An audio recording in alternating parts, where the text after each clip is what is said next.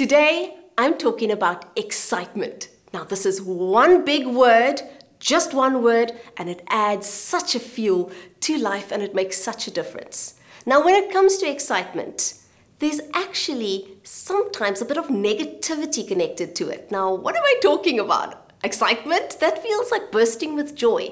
But you know what? When I was growing up, they used to say, if your stomach is sore the day before you have to go to school or you're going to do something big, you can't sleep that whole night and you keep waking up and you go to your parents and you say, Mom, I can't sleep. They say, No, no, no, you're too excited. You need to calm down. You need to go to bed. Or your stomach is so sore because you cannot wait for the big day that's happening tomorrow. Then it is, You're too excited. You need to calm down.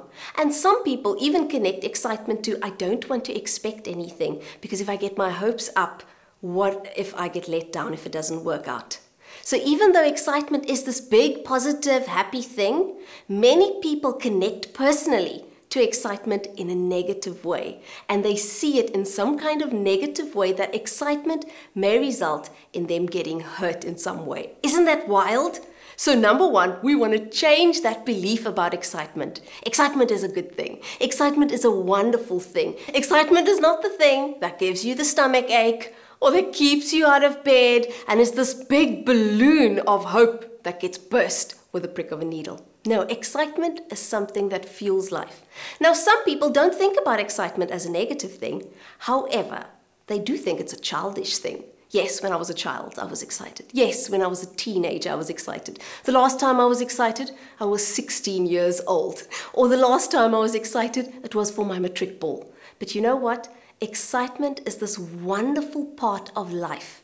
And if you are going into business, or you're starting something new, or you're starting an organization, or you're doing something beautiful, you want your excitement to pour through because that excitement and that enthusiasm speaks to the person on the opposite side and says, I'm fully invested.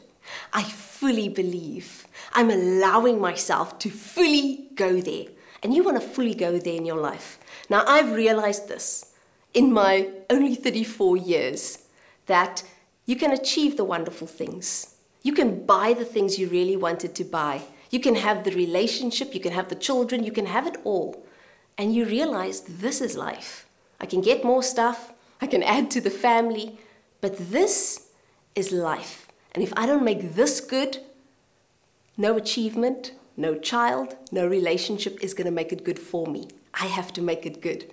And excitement makes it good. Excitement makes it fun. Excitement makes you jump out of bed early in the morning because you cannot wait to embark on this special new journey, project, or whatever you've put in your life for yourself.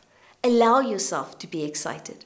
Allow yourself to enjoy life. And excitement does build an expectation. And yes, Sometimes you may be let down, but would you rather go and be let down feeling bad and so worried that it's not going to work out till the moment you let down?